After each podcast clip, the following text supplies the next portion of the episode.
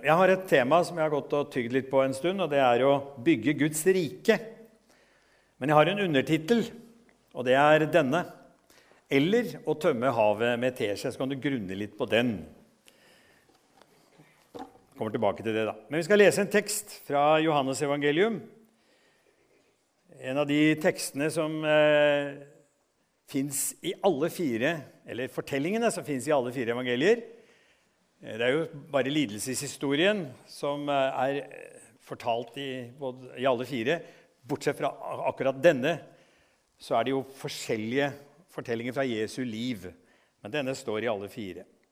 Og Her er det Johannes sin versjon. Jesus løftet blikket og at så at en stor folkemengde kom til ham. Han sa da til Philip, 'Hvor skal vi kjøpe brød, så alle disse kan få noe å spise?'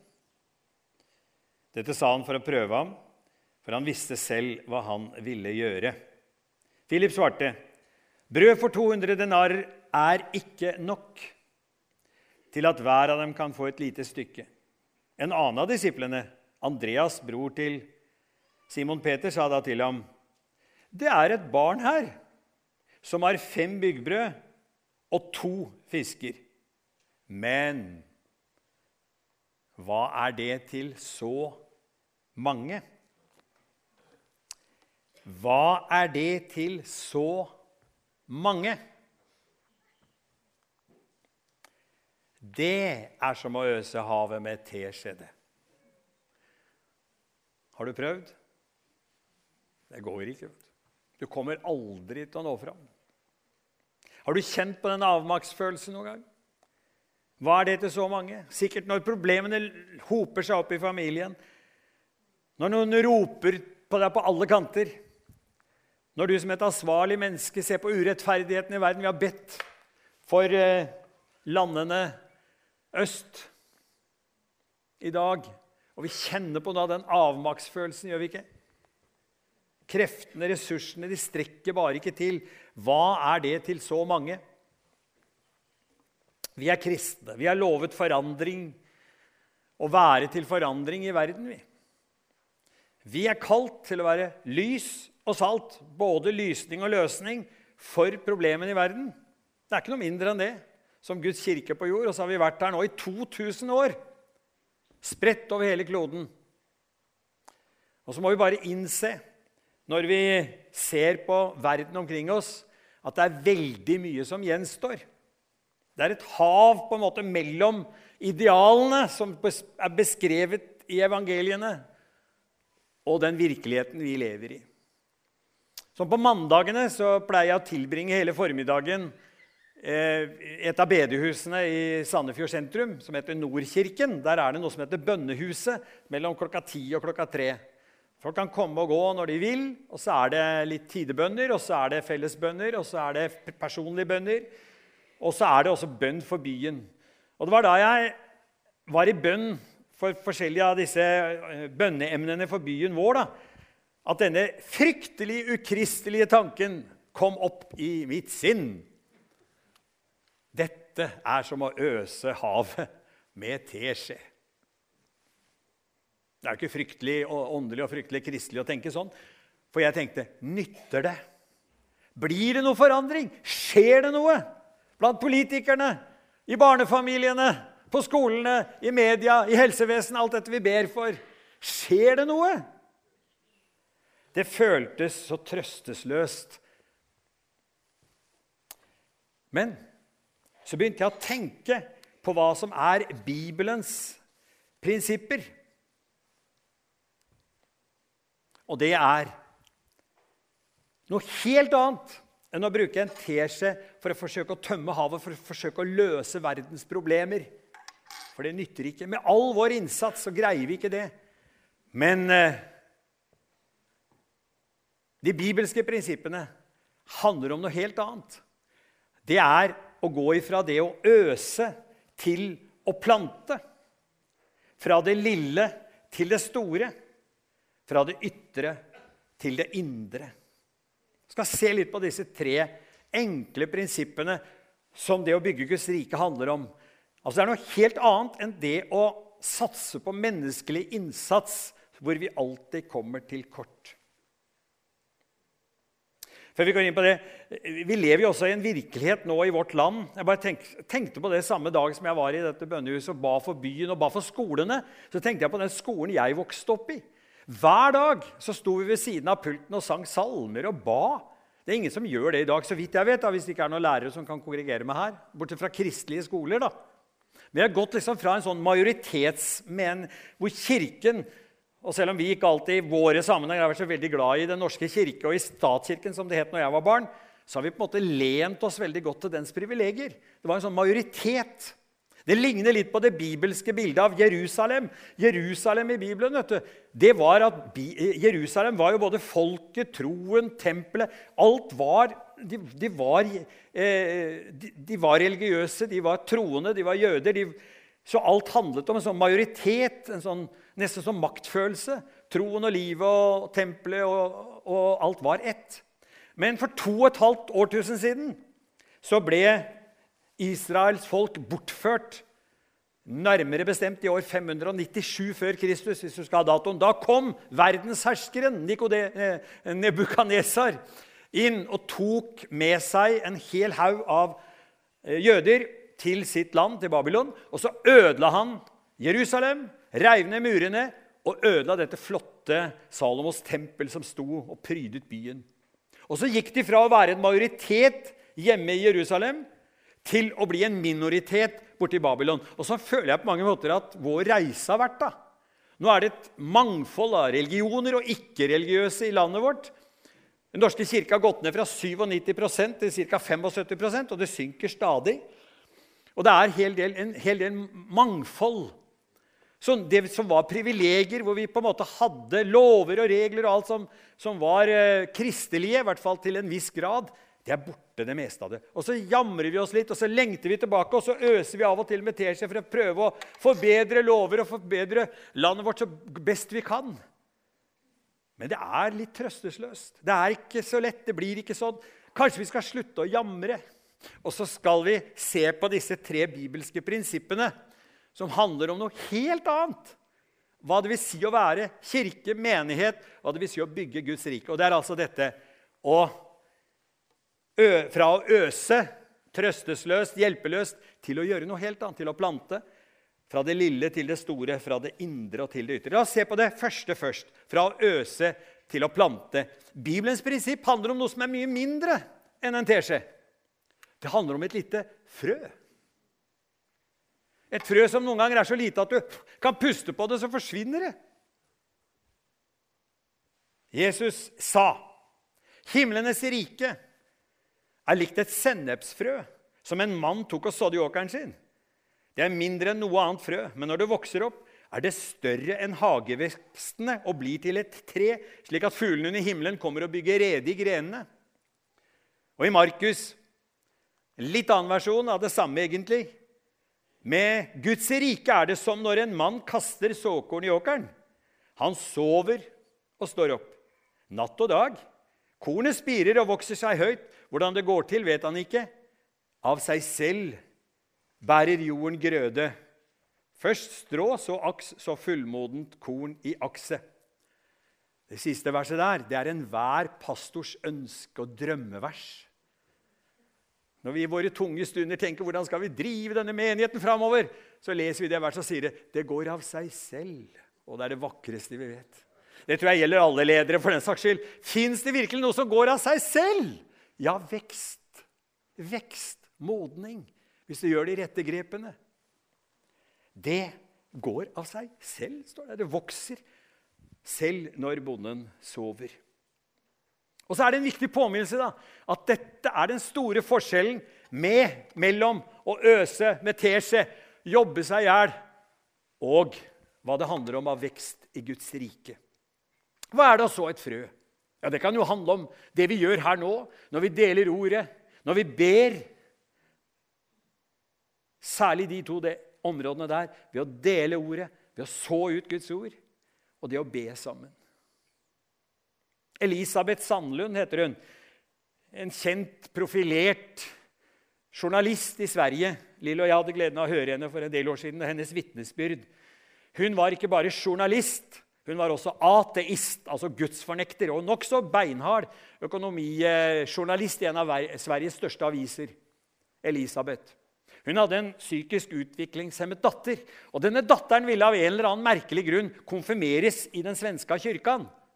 Og som den tolerante, fine damen og mammaen Elisabeth er, selv om hun var ateist, så sa hun selvfølgelig skal du det, datteren min. Så hun fulgte sin datter til kirke for konfirmasjonsundervisningen. En dag på slutten av dette konfirmasjonsåret så var det nattvær i kirken. Og Så sitter eh, datteren ved siden av mamma og sier 'Jeg vil fram der'. Da tenker hun det er jo håpløst. Vi går jo ikke på sånt. Det får være grenser. Men som den tolerante, fine og, og gode mammaen Elisabeth var, så sier hun da går vi fram. Men jeg tror jo ikke noe på dette. Så følger hun datteren sin fram til nattverden som ateist. Og Elisabeths vitnesbyrd er følgende.: Jeg gikk opp til nattverden sammen med min datter som ateist, og jeg kommer ned gulvet igjen som en troende. Det som jeg ikke trodde fantes, det som jeg ikke trodde var, det ble virkelig for meg. Forstå det, den som kan. Hva har skjedd? Det var selvfølgelig ikke fordi noen hadde prøvd å, å, å, å øse med teskje og forsøke å overbevise henne og diskutere og krangle seg fram og, og, intellektuelt prøve å få henne til å tro. Nei, det var sådd et frø. Et umerkelig frø var sådd i hennes liv de gangene hun hadde vært der. I dag er Elisabeth redaktør i den svenske kristne dagsavisen Dagen og en profilert stemme i Sverige. Det kunne vært hundrevis av lignende eksempler, selvfølgelig. Det bibelske prinsippet er å gå ifra å forsøke å øse og løse problemene til å tro på det ordet, det såkornet som vi er kalt til å så, og gjøre disse åndelige øvelsene som vi gjør. Det nytter å be, selv om det ikke alltid ser sånn ut. Det andre prinsippet er at det går fra det lille til det store. Det gjør altså ikke noe om frøet er lite og uanselig om du ikke ser det. Det har nemlig liv i seg. Det har liv i seg. For to og et halvt år siden, for to og et halvt årtusen siden, som jeg sa, når Israels folk blir bortført fra Jerusalem, fra Israels land, til Babylon, så lå Israels stolthet og storhet i ruiner. De hadde vært store, særlig på Davids og Salomos tid, altså for 3000 år siden. De spredte seg ut. Og Det var jo i Salomos tid at dette gigantiske tempelet ble reist. Denne skinnende bygningen. Men nå var alt borte. Alt var borte. Det eneste som var igjen, var minner. Midt i dette står profetene fram. Den ene etter den andre. Og det er de som står som profetrøster gjennom profetbøkene i Det gamle testamentet. Mange av de står fram akkurat på denne tiden, for to og et halvt årtusen siden. En av de, midt oppi dette, mens folket er i Babylon, kommer profeten Jesaja med denne profetien. Men en kvist skal skyte fram av Isais stubb, og et skudd fra hans røtter skal bære frukt. Hvem er Isai? Jo, det er pappaen til David. Så det profeten egentlig sier, er at av Davids gamle kongedømmet som nå ligger helt i ruiner. Ja, det er bare en stubbe igjen. Og du vet at en stubbe det er minnet om et tre som sto der. Og er det en stor stubbe, så sier du 'Å, det var et kjempetre som har stått her', kan du si. Men nå er det borte. Nå er det jo bare minnene tilbake. Stubben er minnet om noe som var. Og vi har noen av hver av oss en stubbe i livet om en tapt ungdomstid eller en tapt kjærlighet eller noe som en gang var, tapte krefter eller hva det er. Nå er det bare stubbet igjen, bare minnene tilbake om det som en gang var vårt eget liv. Men her gjaldt det hele nasjonen Israel. Det er bare minnene igjen nå. Og en stubbe er liksom så maktesløs og trøstesløst. Men så sier Jesaja av denne stubben, midt i den, så skal det spire på nytt igjen. Et bitte lite skudd skal skyte opp. For det som er forholdet her, nemlig, det er at det kan være en stubbe, ja, men det behøver ikke være død allikevel. Og denne stubben var det liv i. Alt som det er liv i, kan spire igjen. Det er det som heter fornyelse. Og det skjer her. altså. Profeten profeterer at det skal spire igjen.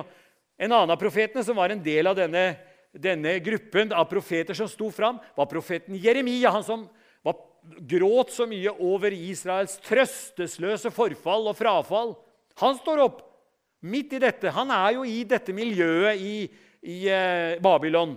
Og han sier Se, dager kommer, sier Herren, da jeg vil la det stå fram for David, en rettferdig spire. Han skal regjere som konge og gå fram med visdom og gjøre rett og rettferdighet i landet. Et, eh, en kvist Det er små greier, vet du. En spire. Det er heller ikke noe særlig prangende og noe særlig stort.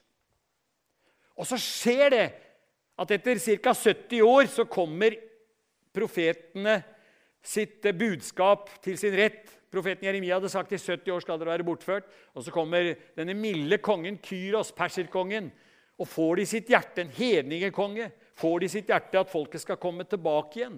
Og så kommer de, reiser de tilbake. Det kan du lese om i Esras og Nehemjas bøker. Fantastiske bøker, forresten. Om gjenreisning, om lederskap. Utrolig fine. Og så kommer de tilbake, og så ser de det trøstesløse. Der ligger jo Jerusalem i ruiner. Bare stein på stein og tempelet. Forferdelig. Og så begynner de forsiktig å reise muren igjen. Det tar så lang tid. Det er masse motstand. Og midt oppi, og så reiser de tempelet igjen. I hvert fall en liten skal vi si en liten avskygning. Bare en liten kopi eller en liten rest av det gamle Salomos tempel. Det som ble hetende Serubabels tempel. Det var ikke på langt nær så flott som det forrige. Men, men Zakaria står midt oppi dette, og han sier oppi dette igjen Midt med det der nye tempelet, som altså bare er en liten kopi, en liten skygge av det gamle, flotte. Det var så ille med det der nye tempelet at det står faktisk i Bibelen at de, når de unge i Israel så det, så jublet de. For de hadde jo aldri sett det gamle, så de syntes det var fint allikevel. Mens de gamle de gråt, for de sammenlignet med sånn det var før. Og Det er en fristelse for oss eldre forresten da, at hver gang vi ser unge mennesker eller ser noe som skjer i dag, så tenker vi at det var så mye større før. Så vi griner litt på nesa, i hvert fall, selv om vi ikke begynner å grine. Hvis vi ser ungdom når de gjør rare ting og hopper og spretter på scenen. og Sånn Sånn gjorde vi ikke før, sier vi, og så griner vi litt på nesa. Slutt med det. Det er sånn man gjør det nå.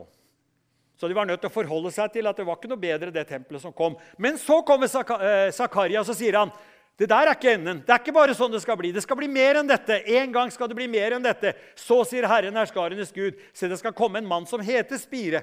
Han skal spire fram av sin rot, og han skal bygge Herrens tempel. De skjønner at det de nå ser, det er ikke slutten. Så hvis du holder disse profetrøstene sammen, så er det altså sånn at stubben er der, historien Det er ikke lenger eh, sånn som det var. Men det, det er ikke over. Så skal det komme noe lite. Bare en spire fra denne stubben. Så skal det komme en som heter Spire. Han skal stå fram. Og de skjønner at det ligger noe i framtida. Og nå er vi ca. 500 år før Jesus Kristus kommer. Og vi som lever 2000 år etterpå, vi skjønner jo hva dette er. For vi har jo opplevd evangeliet. Og vi har jo lest Det nye testamentet. Vi skjønner at den spiren er en person. Det er ikke bare en kvist, det er ikke bare et symbol, det er ikke bare et bilde. Det er en levende person. Og så kom han. Og det kom jo akkurat på den måten. I en uanselig liten landsby utenfor Jerusalem, landsbyen Betlehem. Det var profetert om det, men det hadde de nesten glemt. Det var jo sånn at Når de vise menn kom, så kom de rett til kong Herodes i Jerusalem. Helt naturlig tenkte de på det nye tempelet som var bygd opp igjen, som het Herodes tempel og som var omtrent like prangende som det gamle Herodes. For det var kommet en flott bygning, og, og de vise menn kom jo dit og tenker jo helt naturlig menneskelig at skal vi møte kongenes konge, jødenes konge som er født, så må vi dit. Og så blir jo Herodes livredd. Henter han fram de skriftlærde, og så finner de fram noen gamle skrifter hvor det står at det var i den lille landsbyen Betlehem, som ligger rett utenfor Jerusalem. Det var der det skulle skje. Og så dro de dit. Og så ser de dette. Kan du tenke deg noe så ynkelig? Et lite barn i en krybbe i landsbyen Betlehem. Bitte liten, uanselig landsby utenfor den store byen. Så kommer han, og så vokser han opp.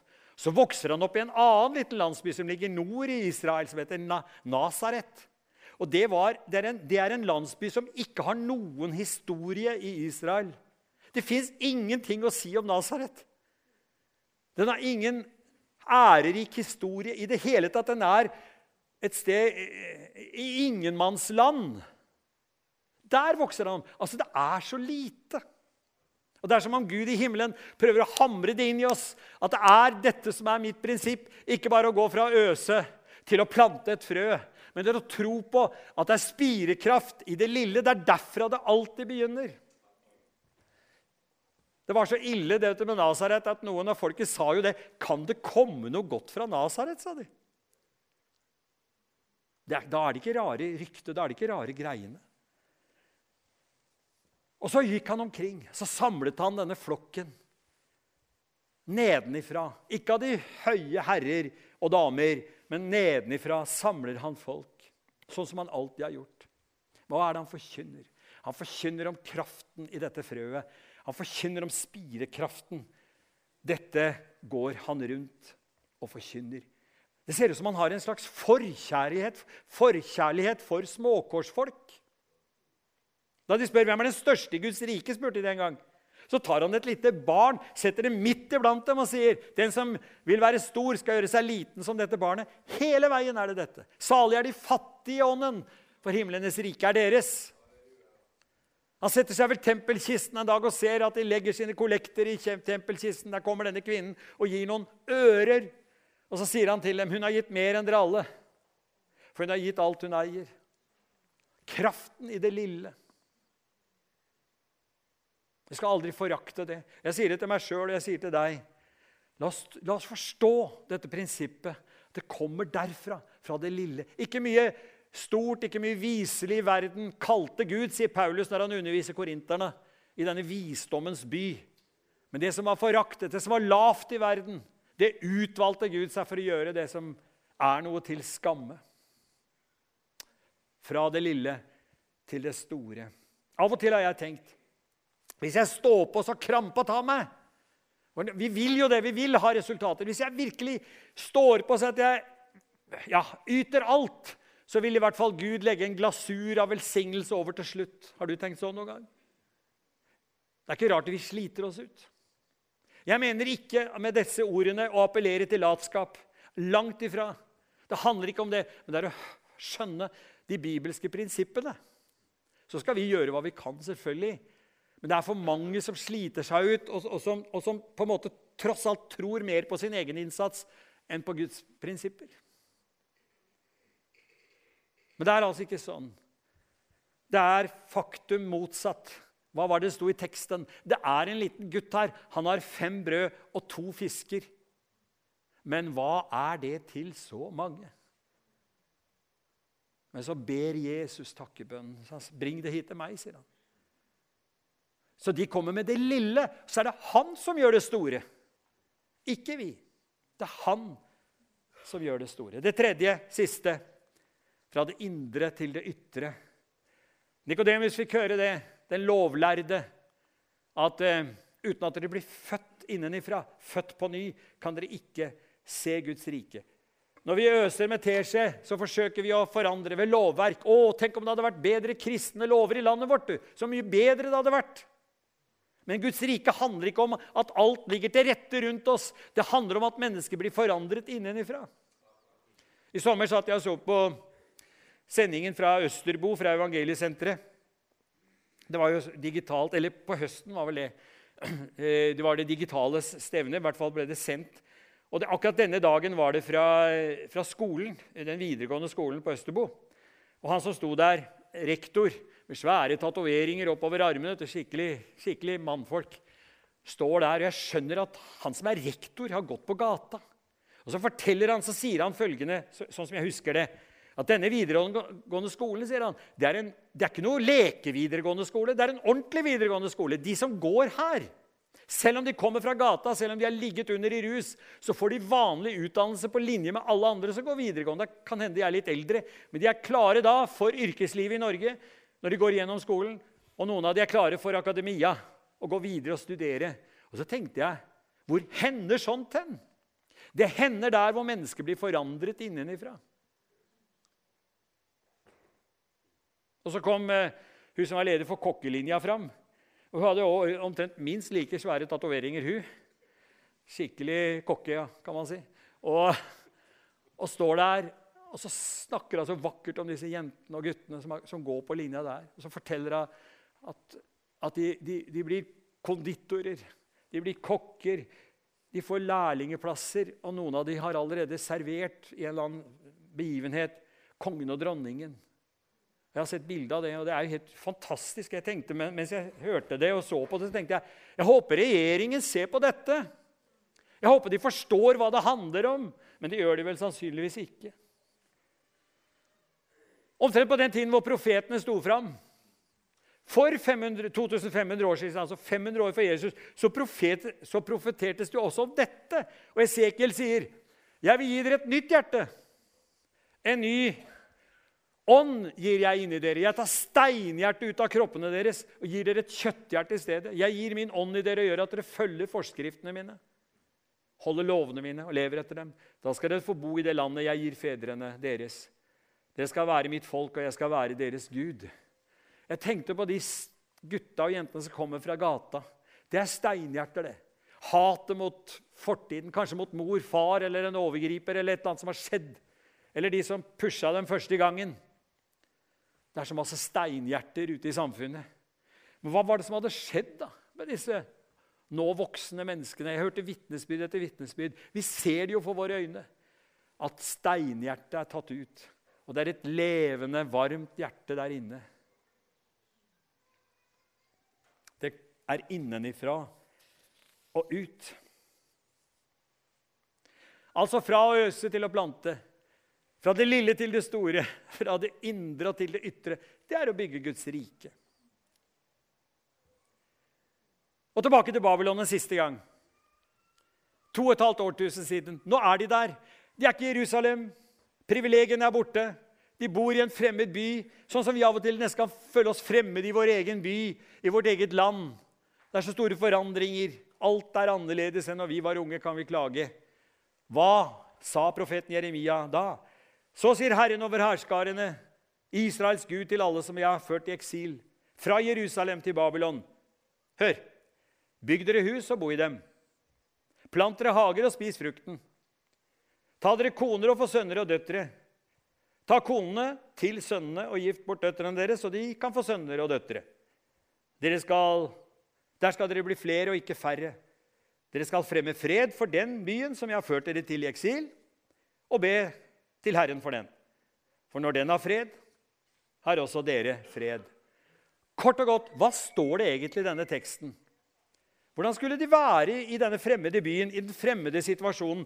Hva var oppfordringen? Jo, den var dette. Bygg Guds rike ved å leve vanlig liv.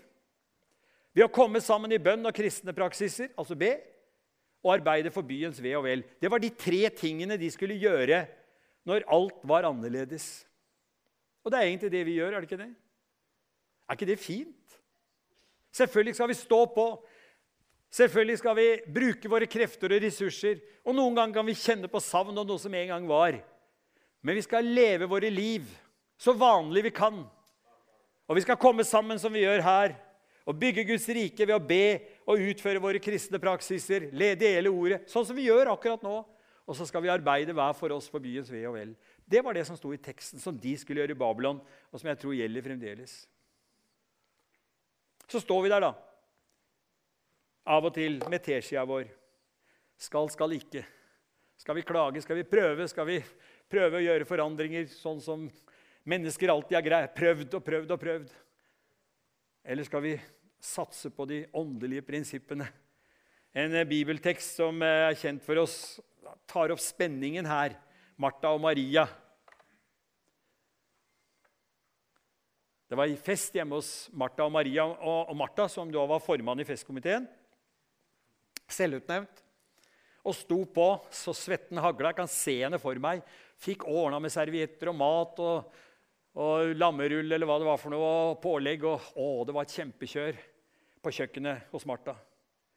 Borti en krok inne i stua sitter søsteren Maria. Og Martha hun holder på å øse med teskje, står på alt hun kan. Og hun blir kjempeirritert på søstera si. 'Bryr du deg ikke om', sier hun til Jesus, 'at søstera mi sluntrer unna'. Det er da Jesus sier til Martha, Martha, Martha, du gjør deg strev og uro med mange ting. Du holder på. Men ett er nødvendig. Maria hun har valgt den gode delen som ikke skal tas fra henne. Og Så kommer vi til å fortsette å gjøre oss strev og uro med mange ting. Vi kommer til det. Vi er mennesker. Så når vi går herfra, så kommer vi allikevel til, å fortsette med det til en viss grad. da. Jeg kommer til å gjøre det, og du kommer til å gjøre det. For vi er vanlige mennesker. Men vi kan i hvert fall anerkjenne at det å så et frø er bedre enn å øse med teskje. At vekst tar tid. At når vi gjør det lille, så gjør Gud det store. Og at mennesker alltid forvandles innenifra. Det er den gode del som aldri skal tas ifra oss. Skal vi be sammen? Herre Jesus.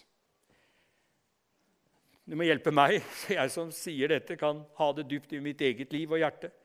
Jeg som ofte klager når jeg ser på omstendighetene. Og så kjenner vi oss noen ganger overkjørt av begivenhetene. Og vi kjenner oss så små. Vi kjenner oss så hjelpeløse. Og vi kan fristes til å tenke nytter det det vi holder på med. Men la oss få kjenne på noe av dette i dag, Herre. Disse store tankene dine som du deler gjennom ditt ord, Herre. Og som har vært der helt siden, helt siden denne gamle tiden, for 2500 og 3000 år siden. Så har det gjeldt og gjaldt, ikke minst når du gikk omkring på jorden. Dette med frøet, dette med spiren, dette med spirekraften. Det er noe som spirer, som er evig. Ditt evige ord, Herre. Ditt evige nærvær, Jesus. Takk, Herre. Selv om det så lite ut, det vi gjør, også nå i forbindelse med krisa. Vi samler inn våre penger. Vi vet det når et stykke på vei. Men hva er det til så mange? Legg din velsignelse på det, Jesus. Jesus, fordi vi gjør det fra et hjerte som er overgitt til deg, Herre. La det gå fra det lille vi gjør, til det store du gjør. Og forvandle mennesker innenfra. Vi ber for regjeringssjefer, vi ber for de som styrer i denne krigen. Vi ber Herre Jesus kan kjenne på noe av den fortvilelsen der også. Men det eneste som rår, er det du gjorde med Paulus han som hatet deg og ditt folk. Du forvandlet ham innenifra. Kan du gjøre det igjen, Jesus? Herre, vi ber deg. I Jesu navn. Og så ser du oss som er her, som har våre historier midt oppi den store historien. Se til våre liv. Gi oss mot og kraft til å leve det livet du har gitt oss. Vanlig liv, der hvor vi er. Tro på det vi holder på med. Vi ber om det i Jesu navn. Amen.